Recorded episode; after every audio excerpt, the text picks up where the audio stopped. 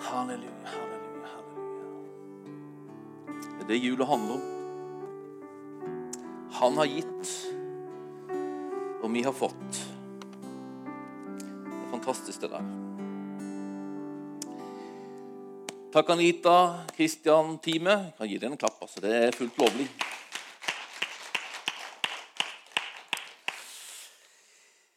Jula, ja. ja. Jeg elsker jul. Og så syns jeg det er viktig med jul at vi eh, som Guds menighet liksom eh, setter fokus på det, bruker tid på det. År etter år etter år. etter år. Det er så, det er så lett det her at det blir en sånn her selvfølge at jula kommer. Og vi kjenner liksom juleevangeliet, vi kjenner liksom historien, og, og det blir en sånn en selvfølge. Så liksom selvfølgelig at man nærmest liksom glemmer det. Og glemmer å forholde seg rett til det. Et jula har en hensikt for oss som menighet. Det, det skal påminne oss om noe. Påminne oss om noe Gud har gjort. Jula har en hensikt å påminne om noe. Påske har en hensikt om å påminne om noe. Pinse har en hensikt å påminne oss om noe som er viktig for oss. Som til og med liksom er avgjørende for, for de vi er, altså. og hva vi gjør her. Og hva vi skal holde på med. Altså. Derfor er jula viktig å bruke liksom tid på. De har samme tekstene år etter år etter år. etter år. De kan få nytt liv, de tekstene der. Jeg liker å holde på med, med tekster sånn her, eh, knytta til høytider. Og så er det som at hver gang liksom, så er det noe nytt som, som, taler til meg. Og I år så er det som har talt til meg Hvis du får opp det her bildet der, har du det. Jula handler om gaven. Det handler om gaven. Hadde jo liksom kommet vekk fra det der. Som barn så handler jula om gaver. ikke vel? Det handler om gaver. Merker det på mine barn at stort sett så de er ikke så veldig interessert i om vi skal ha surkål eller rødkål, eller om vi skal ha ribbe eller svinesteik. eller sånn. Det er meget lite oppmerksomhet som liksom egnes til det fra barnas side. Men de er meget opptatt av hva de skal få til jul. altså.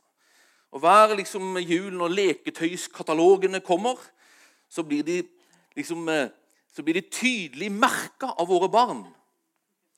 Altså, De krysser jo på alt. altså. Så De gjør liksom ikke saken så mye lettere, men de har fått gått igjennom og de har fått uttrykt at de ønsker seg noe til jul. altså. Og Jula den handler om gaven. Gaven. Og Det tenkte jeg vi skulle prate litt om i dag. Og Da har jeg et par tekster jeg tenkte vi skulle lese. Hvis jeg bare finner den her pekeren. Og Den første er sånn fantastiske Det var ikke den, det var den andre. Det her var Jesaja 9. Jeg elsker den. Vi har vært rundt med juleblomster og sånn. Og Da er det den teksten vi har på julekortet. Jeg syns det er så utrolig vakkert. altså. For et barn er oss født, en sønn er oss gitt. Herreveldet er lagt på hans skulder. Han har fått navnet underfull rådgiver, veldig Gud, evig far, fredsfyrste. Så skal herreveldet være stort, og freden uten ende over Davids trone og hans kongerike. Han skal gjøre det fast og holde det oppe ved rett og rettferdighet fra nå og for alltid. Herren over herskarene skal gjøre dette i sin brennende iver, står det der. Brennende iver. Et barn er oss født, en sønn er oss gitt. Herren skal gjøre dette i sin brennende iver. Ja. Ta neste tekst samtidig. Her er juleevangeliet i kveld. Lukas 2. Og det er hyrdene på marken Gjetere heter det på norsk. Jeg har noen svenske gjester her i dag, så vi må ha litt sånn halvsvensk inn i bildet. Det var noen gjetere der i nærheten som var ute på marken og holdt nattevakt over flokken sin. Med ett sto en Herrens engel foran dem, og Herrens herlighet lyste om dem. De ble overveldet av redsel. Men engelen sa til dem, 'Frykt ikke. Se, jeg forkynner dere en stor glede.' En glede for hele folket. I dag er det født der en frelser i Davids by. Han er Messias, Herren. Og dette skal dere ha til tegn. Dere skal finne et barn som er svøpt og ligger i en krybbe. Med ett var engelen omgitt av en himmelsk hærskare som lovpriste Gud og sang. Ære være Gud i det høyeste og fred på jorden blant mennesker Gud har glede i, står det der. Det er litt kult det her når engelen kommer og så sier, eller engelen kommer og sier sånn, Frykt ikke, se, jeg forkynner. Det står bokstavelig står det, evangeliserer. Det er jo kult å bli evangelisert av en engel. Men engelen kom og, og, og, og ga et, et, et, budskap som skulle forandre både hyrdenes liv og hele verdens liksom, historie. Altså. Og Jeg tenkte på den jeg satt med denne liksom, teksten. Så tenkte jeg sånn, så prøvde jeg liksom å leve meg inn i denne liksom, natten. Og jeg er sikker på at den natten i utgangspunktet var en helt vanlig natt. Altså. Og jeg er sikker på at de her eh, gjeterne de hadde sine rutiner som de gjorde den natta. og De, de, de eh, sov sikkert liksom om, om, ikke om kapp, men de bytta på å sove. Og, og, og, og vokta liksom leirilden, og de, de, liksom, de, hadde sine rutiner. Og jeg er sikker på kanskje De som var våkne her og satt der liksom rundt bålet, de irriterte seg over Jakob som snorka, eller Eselet som uh, Jeg Vet ikke hva de gjør. altså. Kanskje gjør det. Altså. Det var en vanlig natt. altså. Helt til plutselig den vanlige natta ble en uvanlig natt. Helt til plutselig allting ble annerledes. Jeg tenkte på det, altså. Jeg tror kanskje det er et ord til noen som kanskje liksom har, har bedt lenge og, og, og lengta lenge og står på en måte i, i, i, behov og i omstendigheter som er vanskelig. som på en måte de, de, de her må, det her ønsker at skal endres. Altså. Men plutselig så kan alt endres. Altså, Hold fast ved det, altså. Jeg husker det, det er en søndag ettermiddag som som for alltid forandrer alt når det gjelder mitt kristne liv.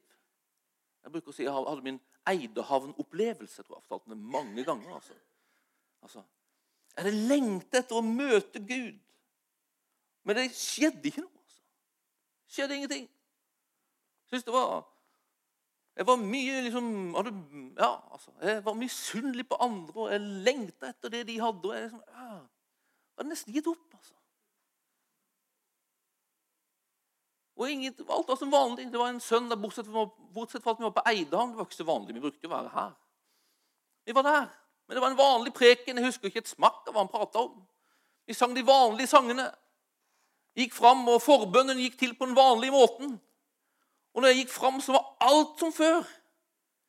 Men i løpet av noen få sekunder så endra alt seg. Helt plutselig. Gud kan sånt. Han gjør sånt. Hold fast, altså. Hold ut. Av og til kan denne forandringen det kan være som et lite, altså en, en frelser som kommer som et barn. Men når, når de kom der i denne krybben, så var det ikke mye som så ut som en frelser som var født. Men det skulle bli noe stort, og det begynte der. Av og til kan det begynne, denne forandringen kan begynne med noe lite. Jeg husker når jeg var singel. Så våkna jeg en søndag som singel og hadde ingen aning om at dagen skulle bringe en endring. Men så kom jeg, på, kom jeg til arken, jeg tror det var en søndag, så sa jeg hei til Sandra for første gang. Og Da begynte noe som skulle bli en veldig betydelse altså, for mitt liv. Men det begynte med et lite hei. Frakt ikke heller den lille, ringe begynnelse. altså.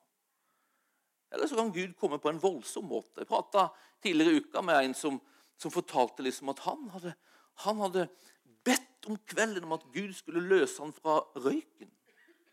Og Han var full liksom av, han trodde selv han hadde kols. Han hadde ikke fått konstatert det, men han trodde han hosta noe fælt og hadde vanskelighet med pusten og, og kunne ikke bli kvitt denne røyken. og han holdt på og holdt på, og holdt på, og så ba han en bønn, og så morgenen etter så var det som at røyksuget nærmest var borte. Han tok en sigarett, men klarte ikke engang å trekke ned.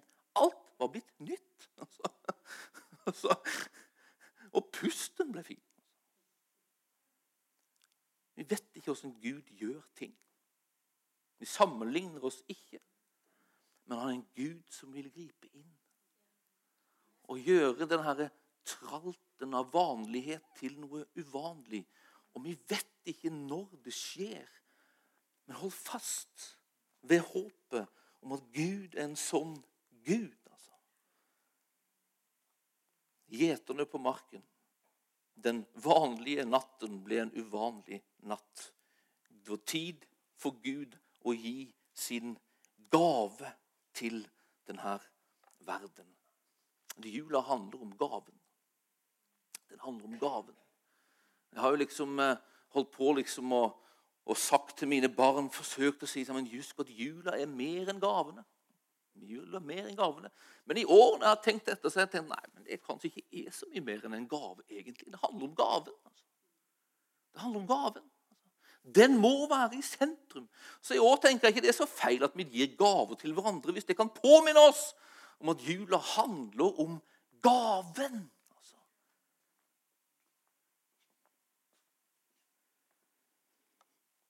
Og jeg har gitt masse gaver i mitt liv. altså. Noen lykkede gaver, noen mindre lykkede gaver. Jeg husker spesielle gaver. Jeg husker, eh, jeg husker min første kassettspiller. Fikk min første kassettspiller av mamma og pappa med et kassettbånd med. Børud-gjengen var det. Glemmer det aldri.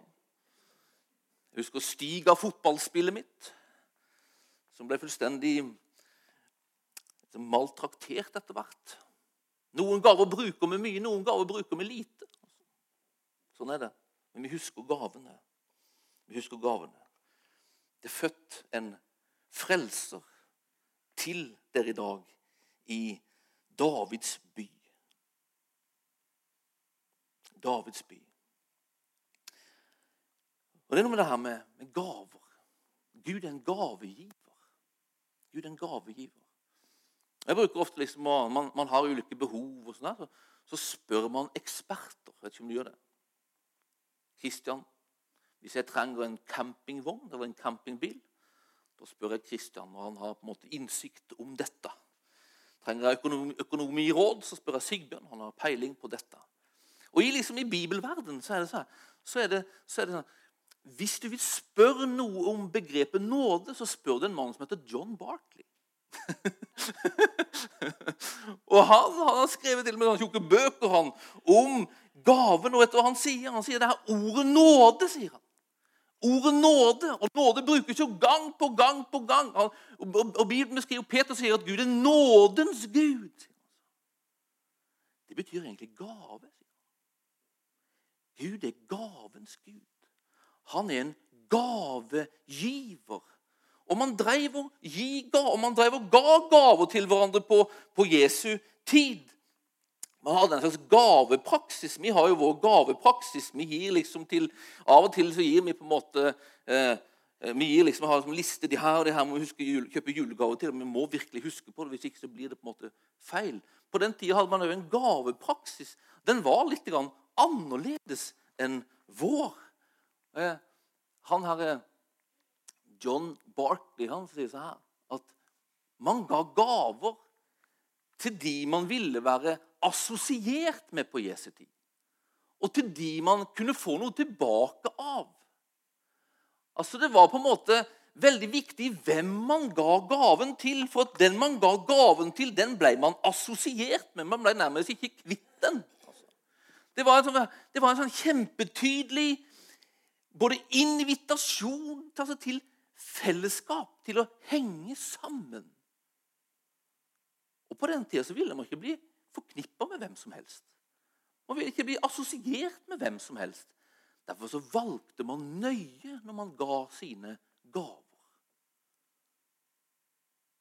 Man gav gaver til de flotte, til de vellykka, til de sterke, til de som hadde masse ressurser, til de som hadde noe man trengte.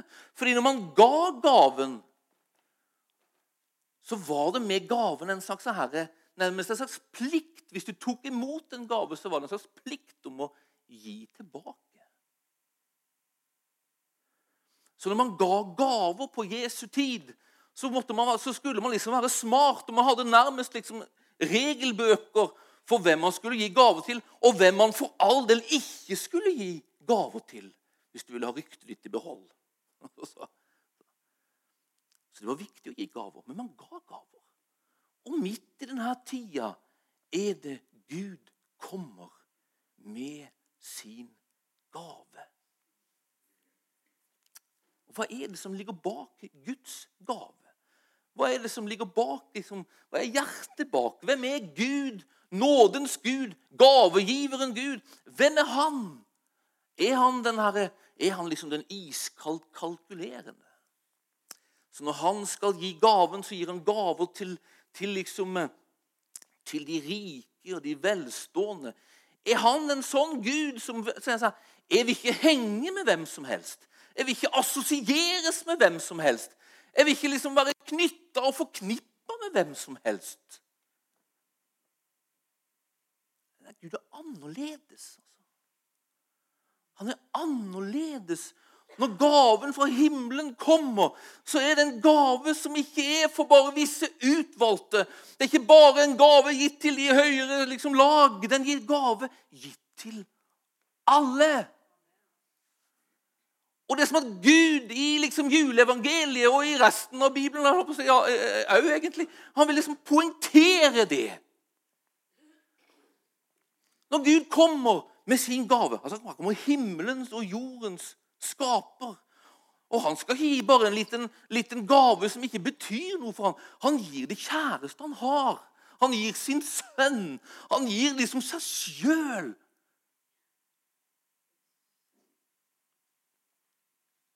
Til hvem gir han denne gaven, som er denne utstrakte hånda til fellesskap, til relasjon, til å være assosiert med hverandre? Hvem er det han gir det til? Hvem er det han kommer og liksom, og hvem er det han kommer og gir den gjennom? Han kommer og gir den igjennom en fattig jomfru og hos fattige forlovede, kan man si. Så. Engelen kommer først til de. Altså. nå skal Gud gi en gave gjennom dere. Vi vet at Maria og Josef de er fattige fattige. For når de, når de liksom skal bære fram liksom når Jesus er åtte dager, så bærer de fram et sånt renselsesoffer. Og da, og da bærer de fram de fattiges offer. Som var en sånn duaktig sak. altså, Turteldu, er det vel? ikke det? Du som er pastor, du vet vel altså, altså, De fattiges gave. Hvem er, den, hvem er det liksom som får evangeliet her? Hvem er det som blir evangelisert først? Jo, det er hyrder og gjetere. Hvem var de, da? Var de høyt oppe i rangordningen? Var de liksom rike og flotte mennesker som hadde store palasser derhjemme? De var fattige. De var til og med forakta. De var til og med liksom plassert utenfor på en måte samfunnet. Altså. De var regna for ingenting. I dag er det født ikke, I dag er det født en frelser for kongene. Nei, det er født til dere. En frelser, en gave, er gitt.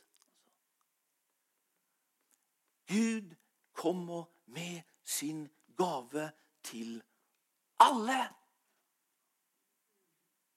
Og vi er verdensmestere på å diskvalifisere oss fra det Gud vil gi. Er vi ikke det? Ja, og Det var det jeg holdt på med egentlig når jeg sto der på Eidhavn. Det var sluttsatsen min. Jeg får ikke det som de andre får, for jeg er vel ikke verdt det. Altså, det kommer fryktelig fort, spesielt på oss frolendinger. Altså. Men frolendinger er inkludert.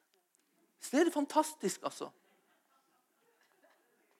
Altså Gaven er gitt altså, til alle fra et hjerte som vil fellesskap for et hjerte som vil gi det gaven inneholder.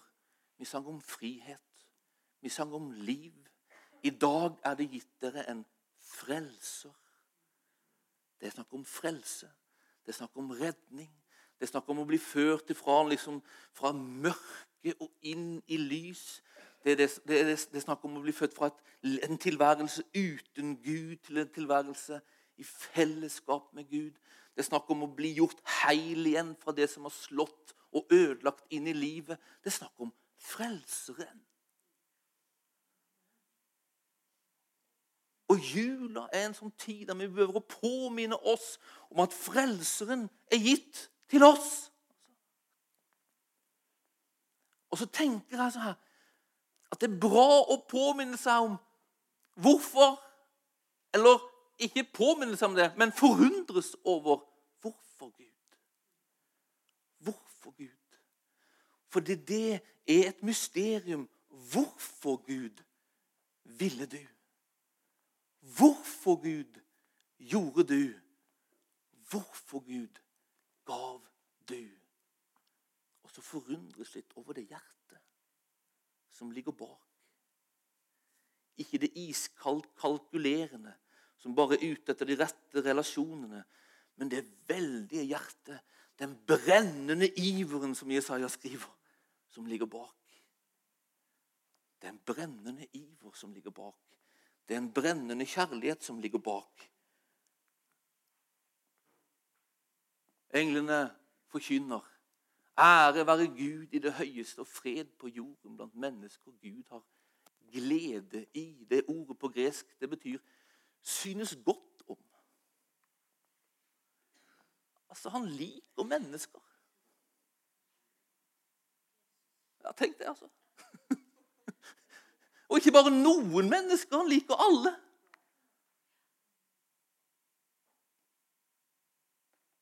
Han liker alle. Hva er hjertet bak Guds gave? Han liker mennesker.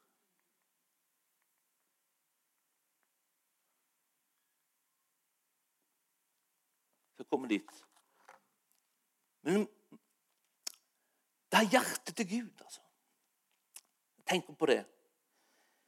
Hjertet til Gud. Hvordan kan man se Guds hjerte? Hvordan kan man se det her hjertet? Jo, man kan se det hjertet på Jesus. Jesus han er jo den som kommer for å vise oss hvordan Gud er. Og han gjør det.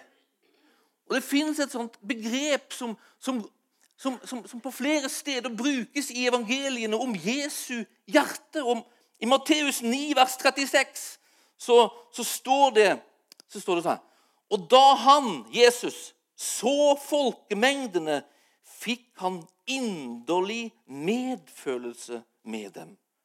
For de var forkomne og hjelpeløse, som sauer uten gjeter, står det. Og det Her tror jeg på en måte, her, her har vi på en måte Guds hjerte. Inderlig medfølelse inderlig medfølelse.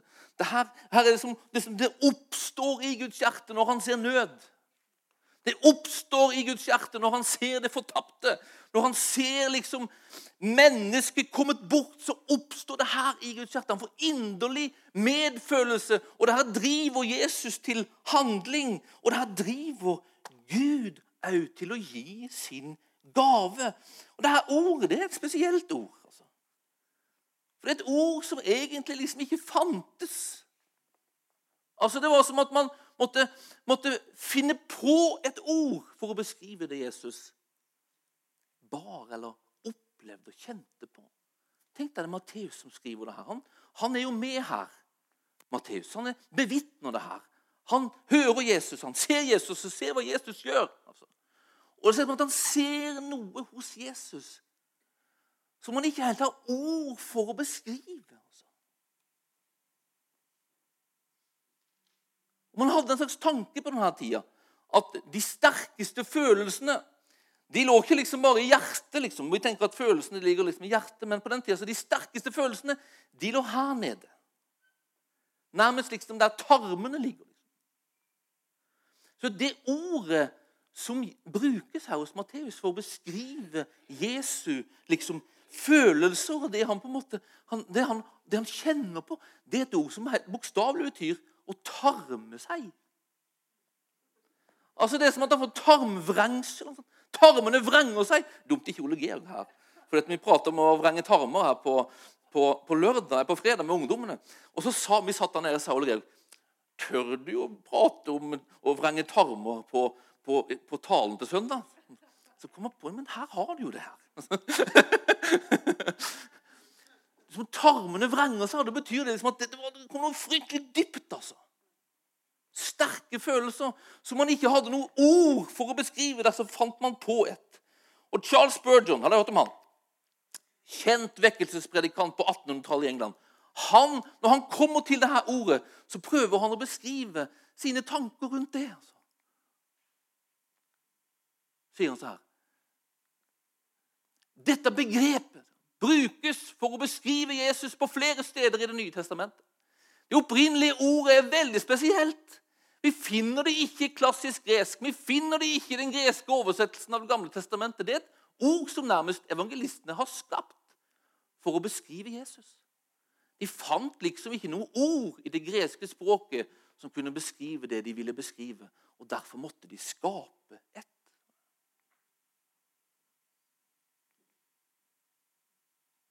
Det er for å beskrive den dypeste følelse. En barmhjertighet som kommer fra det aller innerste hos et menneske. Nærmest fra en tarm som vrenger seg. Det de vil beskrive, tror jeg, er at når vår frelser, skriver Charles Spurgeon, så på visse ting, da så de som sto rundt ham, at han nærmest var skaka i sitt indre over det han så. Han hadde dype følelser, og ansiktet hans viste det. Tårene kom i øynene hans, og man kunne se at hjertet hans nærmest brast av medfølelse på den sorgen og mørket han så på. Han fikk inderlig medfølelse, og hele hans natur skaka av sympati med den lidelsen han så foran seg. Her tror jeg vi har Guds hjerte. Her er forklaringen til gaven. At når Gud ser på synderne Vi ser allerede før syndefloden så står det Når Gud så på ondskapen som utbredde seg, så står det faktisk ikke at han ble vred. Men det står at han fikk sorg. Altså, Det, det ryster hans indre. altså. Og det er den medfølelsen som driver Gud til handling. Det er hjertet bak gaven. Hjertet bak gaven. Et annet sted i, i Nytestamentet, i evangeliet, vi ser det her ordet brukt. Det er i lignelsen om den bortkomne sønn. Hvem tror dere beskrives som har inderlig medfølelse? Det er en far som står og speider. Og Når han ser denne bortkomne sønnen komme hjem, så, så, bør han egentlig fylles i den tida han lever i, så bør han egentlig fylles av en vrede og av en stolthet som krever hevn eller krever kompensasjon for at sønnen har ødelagt hans ære og gode rykte. Men hva er det som vekkes i denne faren? Jo, det er inderlig medfølelse eller en sånn en tarmvrengning. Jeg kommer aldri til å glemme det ordet. nå. det er Guds hjerte i møte med det fortapte. Og det er det som bringer gaven fra himmelen til jord. Altså. Vet du hva det andre Det andre som prega Så jeg må komme tilbake igjen her. Det andre som prega gavegiven og gavepraksis, det var en forventning om å få en respons fra den man gav til. Og Gud er annerledes der. Altså. Jeg tror ikke Gud gir av en slags betingelse for å få noe tilbake. Gud slutter ikke å gi fordi ikke vi gir tilbake. Men jeg tror at fra Guds hjerte så fins det en lengsel om en respons. Han ønsker at vi som Guds menighet skal holde på så med det her og forstå og kjenne på det her innholdet som Katrine var inne på. Altså. Og forstå hva gaven inneholder på en sånn måte at det vekker en respons av å ville gi tilbake. Hva kan vi gi til Gud? Jeg vet ikke om du har tenkt på det eller opplevd det. Jeg tror jeg helt sikkert at du har. I disse dager så er det sånn man kjenner på hvert år. Hva skal jeg gi til de som har alt? Hvert år hva skal jeg gi til mamma? Hva skal jeg gi til pappa? De har alt. Heldigvis finnes det alltid en ny bok. Eller gavekort. Men vi møter jo med Gud, og hva skal vi gi til Gud? Han har vel alt? Men vet hva Gud har på sin ønskeliste? Det finnes noe Gud ikke kan få uten at vi gir ham det. Og det er våre liv. Det er våre liv. Vet, på hans ønskeliste, på toppen, ønske nummer én, det står det Kristine. Men det står òg Sigbjørn. Det står Hilde. Det står ditt navn på hans ønskeliste. Han vil ha ditt liv. Han vil ha ditt liv som en respons til han. Han vil ha din lovprisning. Han vil ha din takksigelse. Han vil ha, han vil ha dine ressurser. Han vil ha din tid. Han vil ha du. Han vil ha du. Og så vil han òg ha holdt jeg på å si, relasjoner med du. Og han vil ha partnerskap med du. Det står flere navn på den ønskelisten enn bare ditt navn og mitt navn. Det står navnet på din nabo.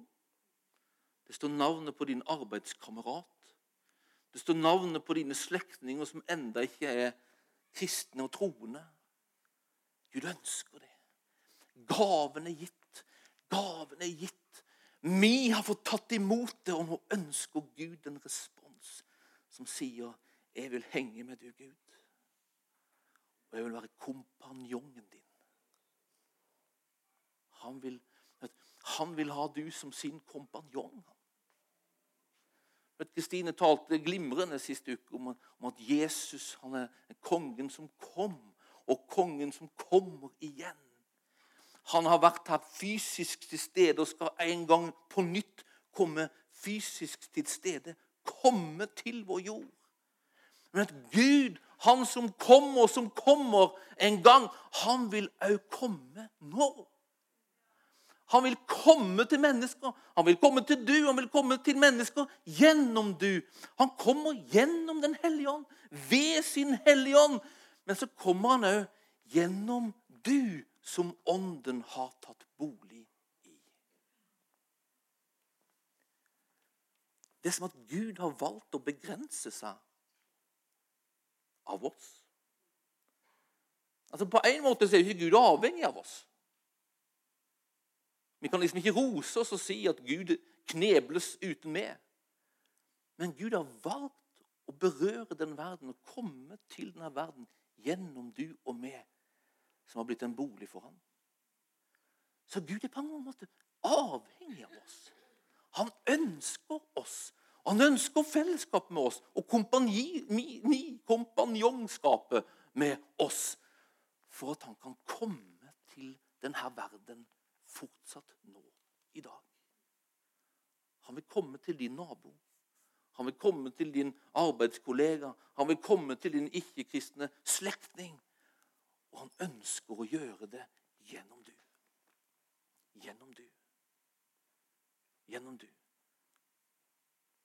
Gud kommer til Paulus. Husker det? Han kommer jo voldsomt til Paulus. Han møter jo Paulus på liksom veien til Damaskus. Og Gud gjør sånt, altså. Gud kommer til muslimer i dag gjennom drømmer. Helt uavhengig av oss. Og Gud kan det. Men vet du hva? Gud ønsker å komme til Froland først og fremst gjennom du og meg. Han møter Paulus. Og så er det som at han gjør noe med Paulus som gjør at eh, liksom, det verste liksom, raseriet av Paulus liksom legger seg. og så Paulus han blir på en måte rysta og blir blind. og alt mulig. Han sitter der i Damaskus, i den gata som kalles for Raka gatan, heter det på svensken. Rette gaten, heter det på norsk. det er de finere. Så sitter han der, og så, og så ber han. Altså, Rysta. Han er sikkert full av frykt, og han er full av liksom, Hva kommer nå? Hva har skjedd? Hva? Liksom, og så ber han.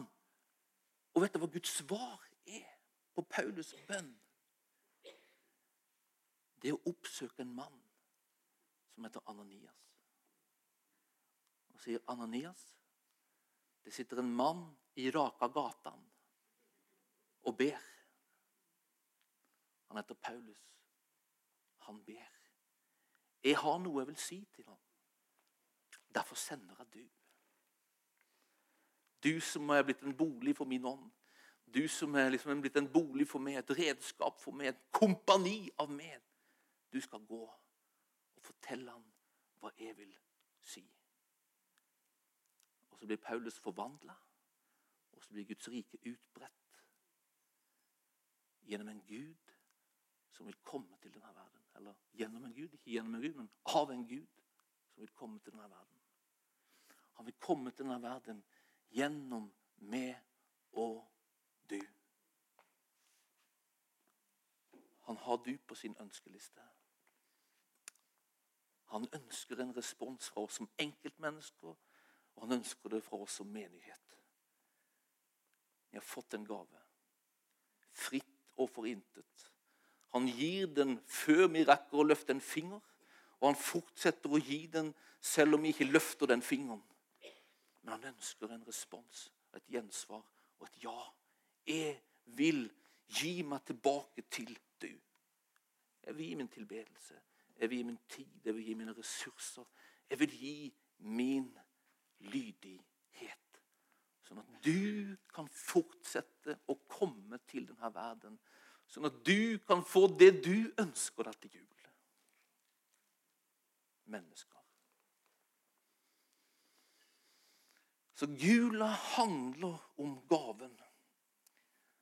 Og så inneholder jula et kall til oss som hans folk. Om et gjensvar som er på en måte verdig den gaven vi får.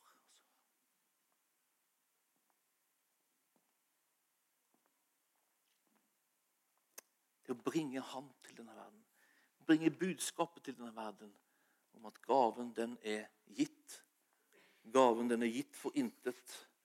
Den venter på å bli åpnet. Amen. Amen. Amen.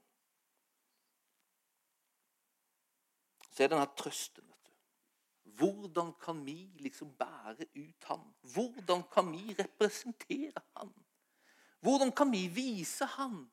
Vet, Paulus prater i Kolossebrevet, det to eller tre de her eh, bryllupstekstene våre står. Vi leser vielsene.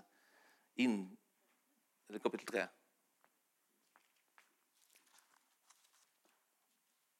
Kapittel tre, ja. Dere er Guds utvalgte, står det. Helliget og elsket av ham.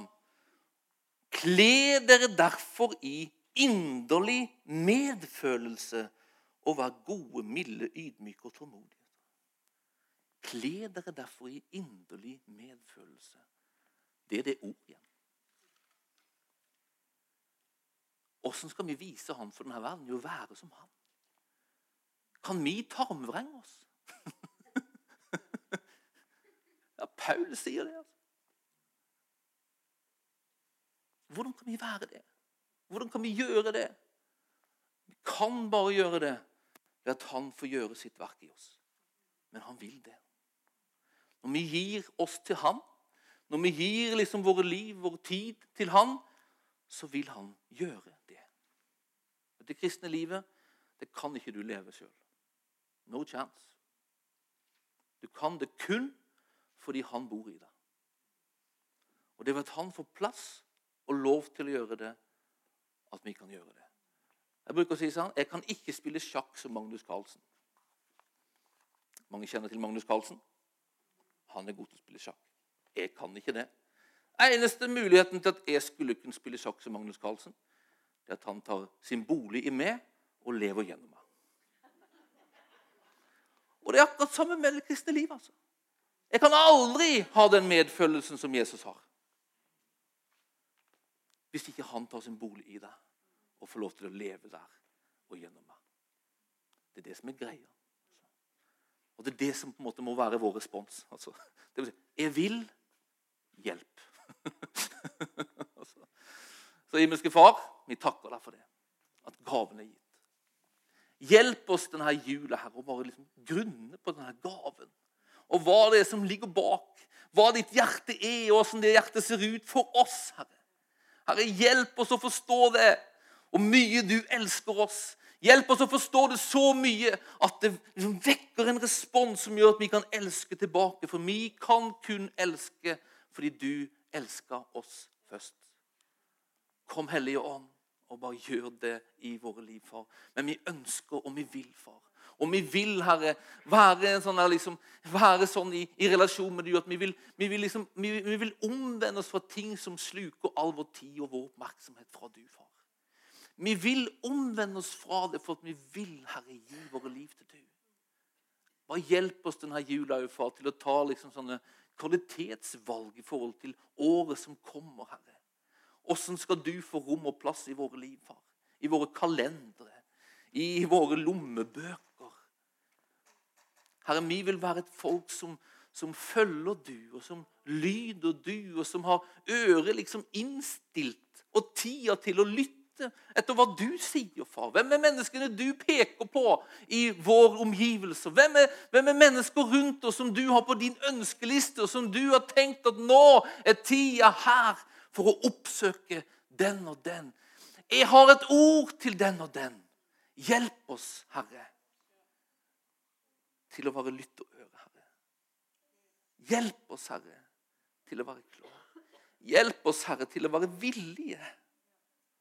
Hjelp oss, Herre, til å være lydige, far. Far, bare la den bønnen, Herre, få runge. Bare la det der få prosesse, Herre, denne jula, far. Bare mal du opp for oss, Herre, ditt hjerte, Herre. Ditt hjerte for oss, men ditt hjerte for mennesker rundt oss, far. Herre, vi takker deg, og vi priser deg, og vi ærer deg. I Jesu Kristi navn. Amen.